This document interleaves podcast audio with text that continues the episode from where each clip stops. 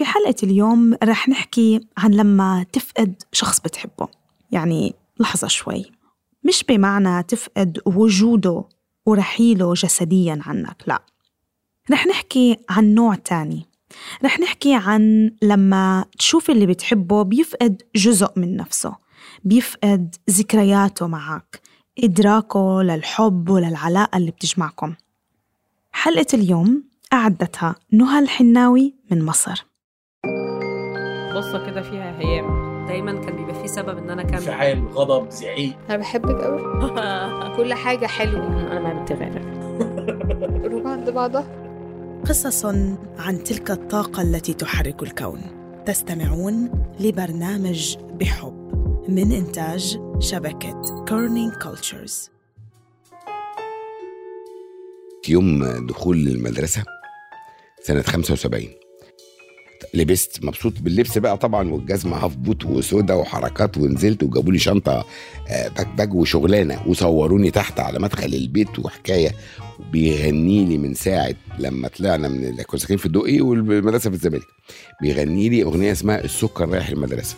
والأغنية ما فيهاش إيه؟ السكر رايح المدرسة. هي دي ما فيش حاجة يعني ما فيش كلام تاني. هي ده هو ده ال lyrics بتاعي. فكنا أول مرة أسيب أبويا وأمي وأنزل أروح مين دول؟ فعيال كتير بتجري كلها لابسة زي بعض وشبه بعض وحوش كبير. فدخلنا قال لي بص أنا هروح المكتب هو عايز يمشي بقى هسيبك نص ساعة همضي ورقتين وأرجع لك. فرحت ماسك في منطقه لا مين دول اللي أنت تسيب لا دول صحابك وزمايلك العب معاهم. نص ساعة همضي ورقتين وأجي. المهم مشي من هنا رحت قاعد على بنش اديتها عياط ما احكيلكيش بالظبط غاب والله بجد أنا متأكد إنه لا يزيد عن ساعة. وجالي كده برضه تسيبني اليوم كله. قال لي اليوم كله إيه؟ ده الساعة واحدة. أنا رحت ساعة المكتب مضيت ورقتين وجيت. أنا مش جاي البتاع دي تاني. قال لي لا مفيش. حياتك هتبقى كده. دي كانت واحدة من اللحظات الفارقة في حياة فادي اللي هو لسه فاكرها. لحظة بتعكس مدى حبه لأبوه واعتماده عليه كمصدر الأمان والثقة في نفسه وفي محيطه من أول يوم الطفل اللي عنده خمس سنين خرج يواجه فيها العالم لوحده. العلاقة المميزة دي استمرت لأكتر من 40 سنة. وفي الآخر برضه اضطر والد فادي إنه يسيبه بس من غير ما يرجع له تاني زي أول يوم مدرسة. والدي كان اسمه يوسف محمد يوسف ويعني يمكن أعرفك أكتر إن أقول لك إن مش والدي ده يعني أنتيمي أو أكتر واحد كان صاحبي في الدنيا. آه، كان في بيننا حوالي 37 سنة فرق وكان هو بيشتغل محاسب برضه يعني معظم ال- الأهالي الولد لو عمل مصيبه يخاف يقول لأبوه وأمه أنا أول ما أعمل مصيبة أول واحد أقول لأبويا شوف يعني أول واحد استخبى وراه وأقول له أنا عملت كذا لأن أنا متأكد إن هو هيبقى full يعني fully support معايا.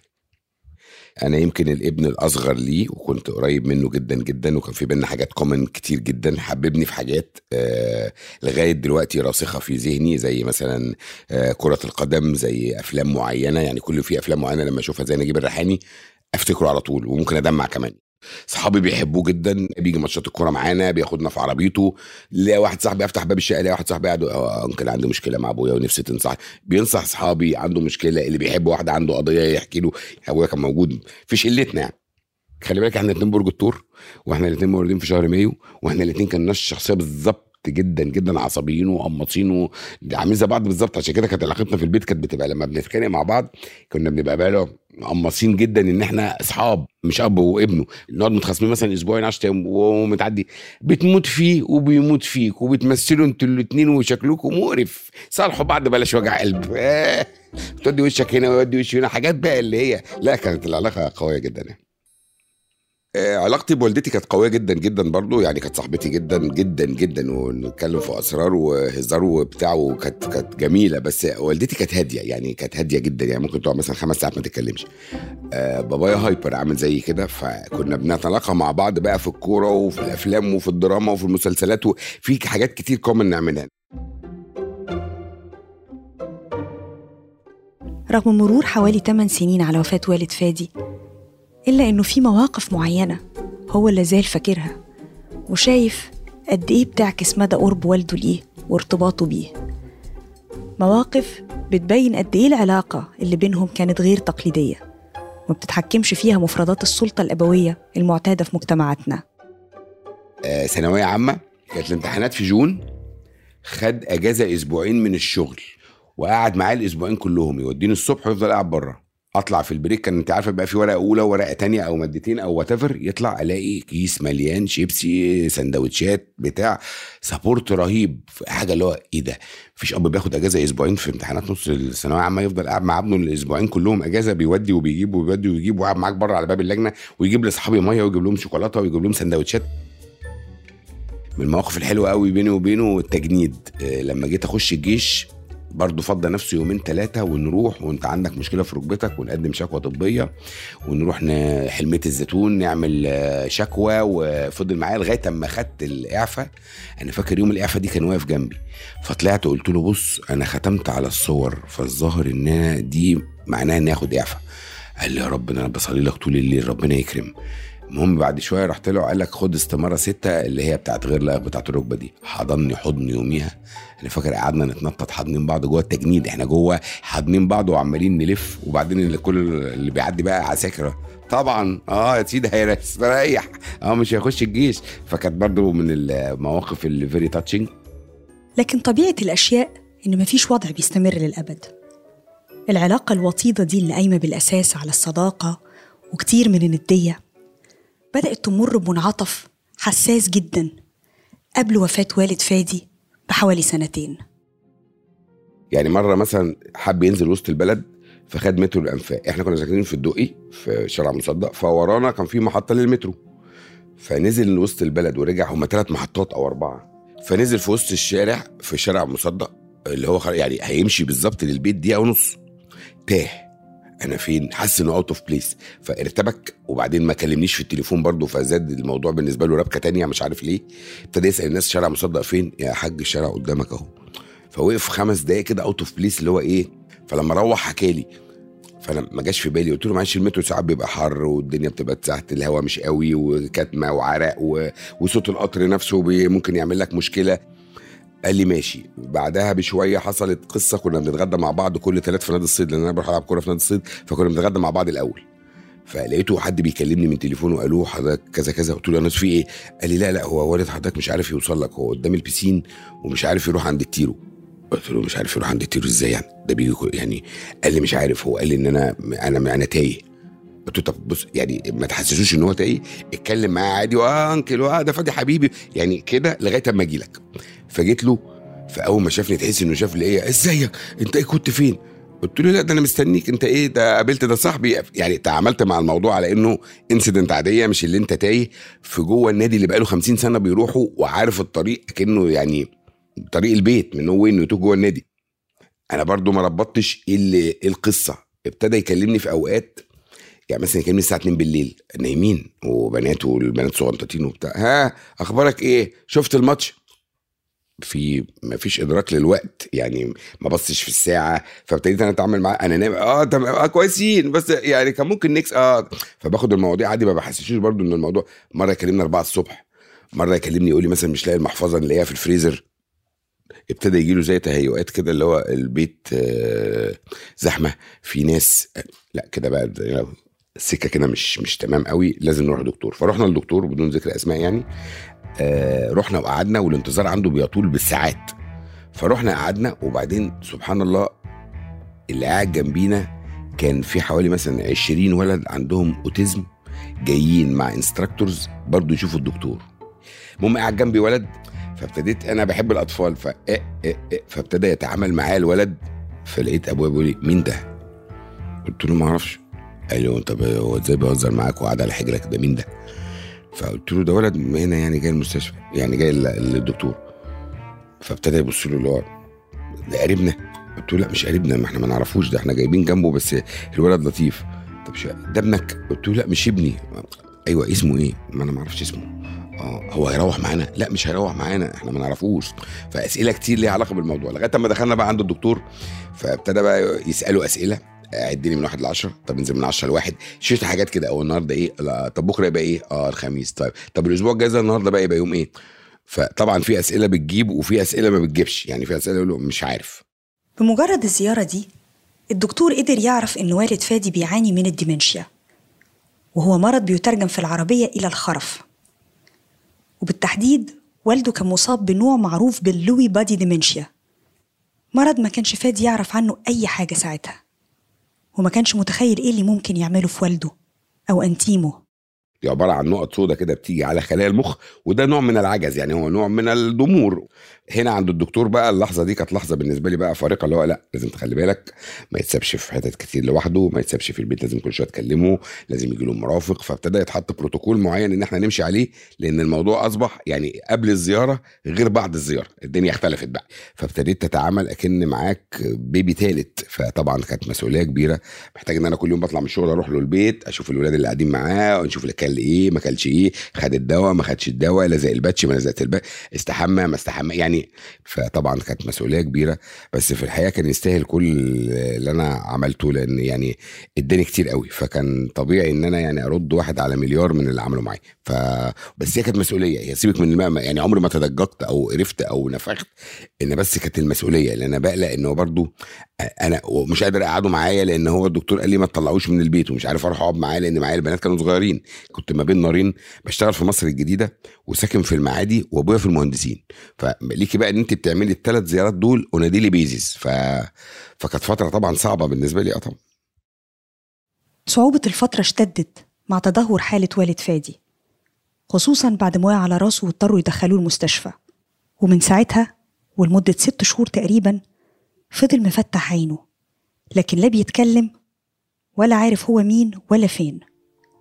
لحد ما في يوم حصلت المعجزة ونطق واتكلم مع فادي لآخر مرة. حوار رغم صدقه إلا إنه كان قاسي جدا على الابن الأصغر للأستاذ يوسف. لغاية ما رحت له يوم وبفتح عليه الباب لقيته باسم جدا وسعيد ومبتسم صباح الخير. قلت له صباح النور. فقعدت جنبه فراح عامل لي آه، إزيك؟ قلت له كويس. أنا عايز أعرف يعني آه، عايز أعرف إيه هيقول يعني عارفني مين؟ قال لي آه، متشكر قوي على الزيارة. فابتديت أفهم إن هو مش عارف أنا مين.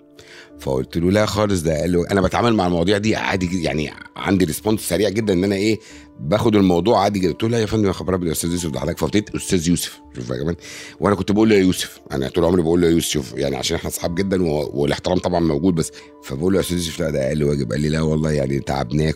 ده بيتكلم بقاله ده ما بيتكلمش بقاله شهرين كان كويس جدا آه فبعدين قال لي على فكرة أنت شبه ابني الصغير بالظبط فقلت له بجد؟ قال لي آه خلي بالك ابني الصغير ده حبيبي جدا. فابتديت أنا بقى إيه أنت بتشوفي هو بيشوف ابنه الصغير ده إزاي؟ بطريقة هو عمره ما قالها لك أكن أنا third party هو بيحكي له عن ابنه الصغير. فكانت بالنسبة لي طبعا ممتعة ولكن أنا زعلان جدا هو مش عارفني. فبيقول لي ده حبيبي قوي قوي ده قريب ليا جدا. قلت له آه ما دايما هو يقول لي كده. قال لي أنت تعرفه؟ قلت له آه مرة قابلته كده. قال لي آه تمام. المهم قعدنا نتكلم وأحكي له عن الجامعة وسافر كينيا مرة قعد ثلاث سنين في الستينات ومراته وابنه الكبير. إيه ده؟ أنت تعرف عني معلومات غريبة جدا. ده أنا أول مرة أشوفك. قلت له يا أستاذ يوسف، أنت راجل مشهور برضه وما الناس كلها عارفة عنك. يقول لي لا بس كينيا كلية تجارة عين شمس. ما حدش يعرف المعلومات دي. أنت تعرف المعلومات دي منين؟ فأقول له لا ما حضرتك طبعا مشهور وكده. يقول لي آه. مراتي بيقولوا ماتت. قلت له الله يرحمها مش عارف أنا مش شفتهاش بقالي فترة. يبقى اسأل لي كده ماتت ولا ما ماتتش؟ قلت له لا يعني يا الله يرحمها. المهم قعدنا نتكلم وهو excited جدا. وبعمل يتكلم اللي هو يا جماعة الجمال ده. فجيت قلت له طب هستأذن حضرتك بس هنزل أصلي العصر. فقلت له ماسك في إيدي. إيه ده؟ أنت هتمشي؟ قلت له لا أنا هصلي وأطلع. قال لي طب بس هتيجي؟ قلت له لا هاجي تاني. المهم نزلت فعلا صليت العصر. وبعدين طلعت تاني. دخلت قعدت جنبه. فهو إيه؟ هو عايز يقول لي هو أنت اللي كنت موجود ولا لأ؟ بس إيه؟ مش مش عارف يربط. فقعد كده مبتسم لي اللي هو برضو زي اللي هو إيه؟ أكنك ضيف. فبعدين قلت له أنا صليت. الله!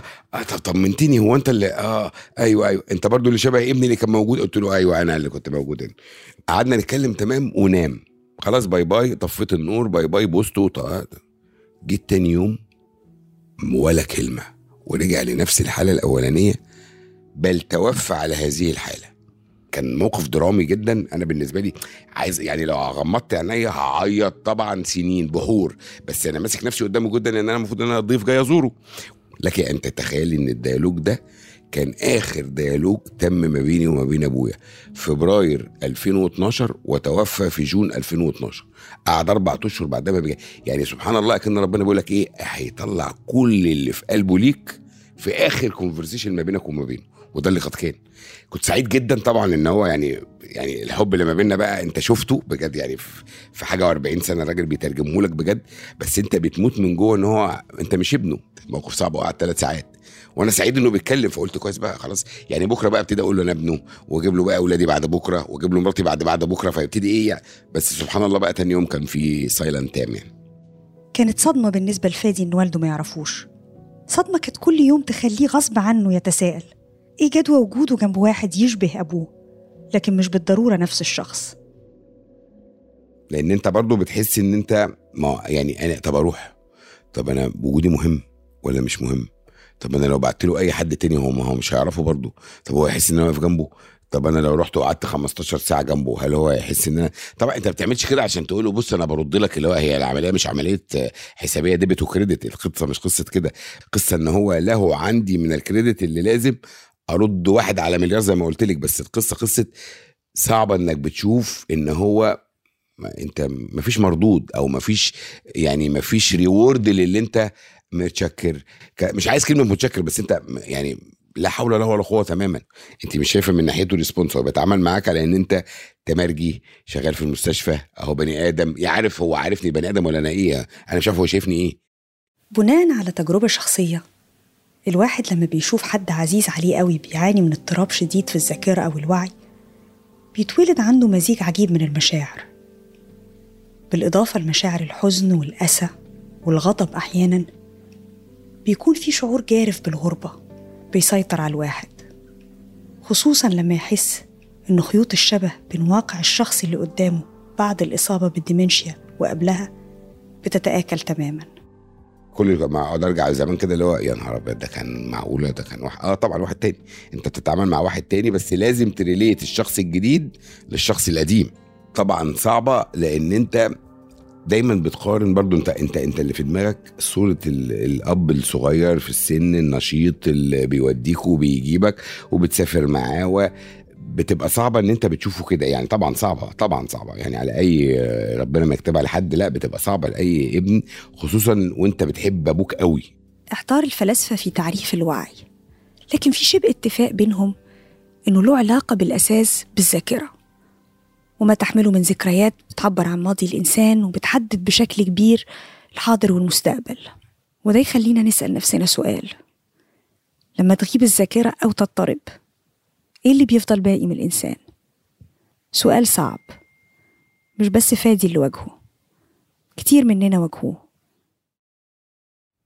سؤال أنا نفسي واجهته مع والدي. الحقيقة علاقتي بوالدي كانت لا تقل خصوصية عن علاقة فادي بوالده.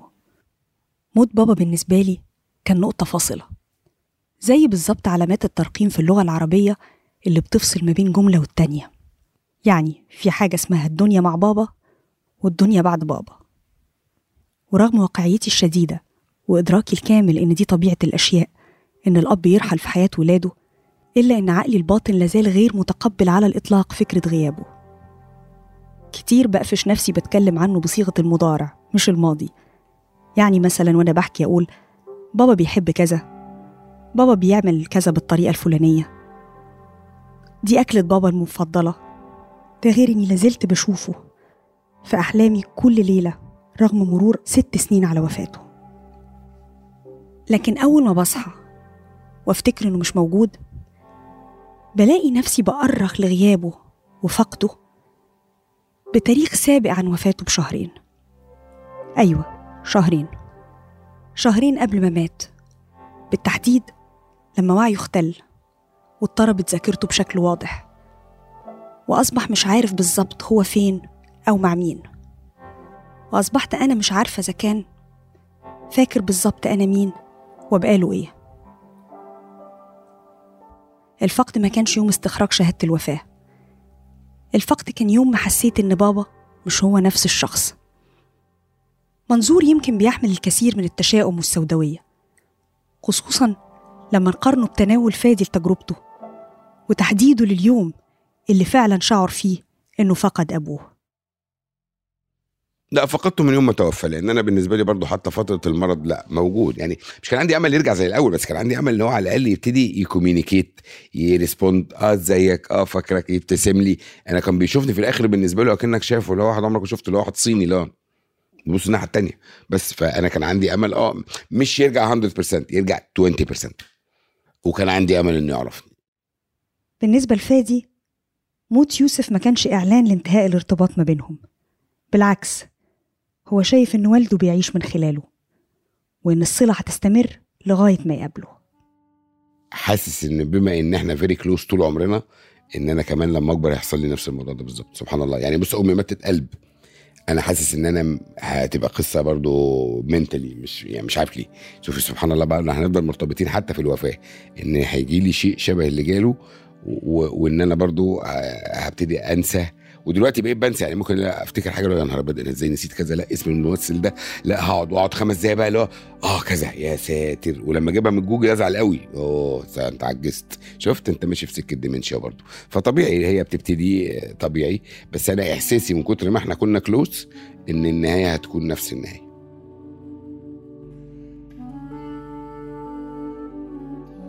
هاي الحلقة من بحب من إعداد نهى الحناوي. التصميم الصوتي والتأليف الموسيقي لمصمم الصوت محمد خريزات. شكر كبير لكل طاقم الفريق للدعم التحريري.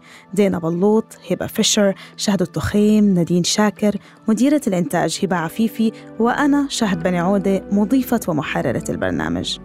برنامج بحب من إنتاج شبكة Kerning Cultures وثائقيات صوتية من أنحاء الشرق الأوسط تنطلق من الحب بكل أنواعه. طلب صغير لكل مستمعينا. إذا حبيتوا الحلقة شاركونا تقييمكم واتركوا لنا رأيكم لأنه التقييم والرأي بيسهل كتير إنه الناس تلاقينا على منصات بودكاست أكتر. وإذا حبيتوا الحلقة شاركوها مع أصحابكم خصوصاً الأصدقاء اللي لسه ما اكتشفوا عالم البودكاست. احكوا لهم عن عالم التدوين الصوتي وعن القصص المتنوعة وعن المحتوى اللي ممكن يلاقوه في هاي المنصات. شكراً للاستماع وإلى اللقاء في حلقة جديدة من برنامج بحب.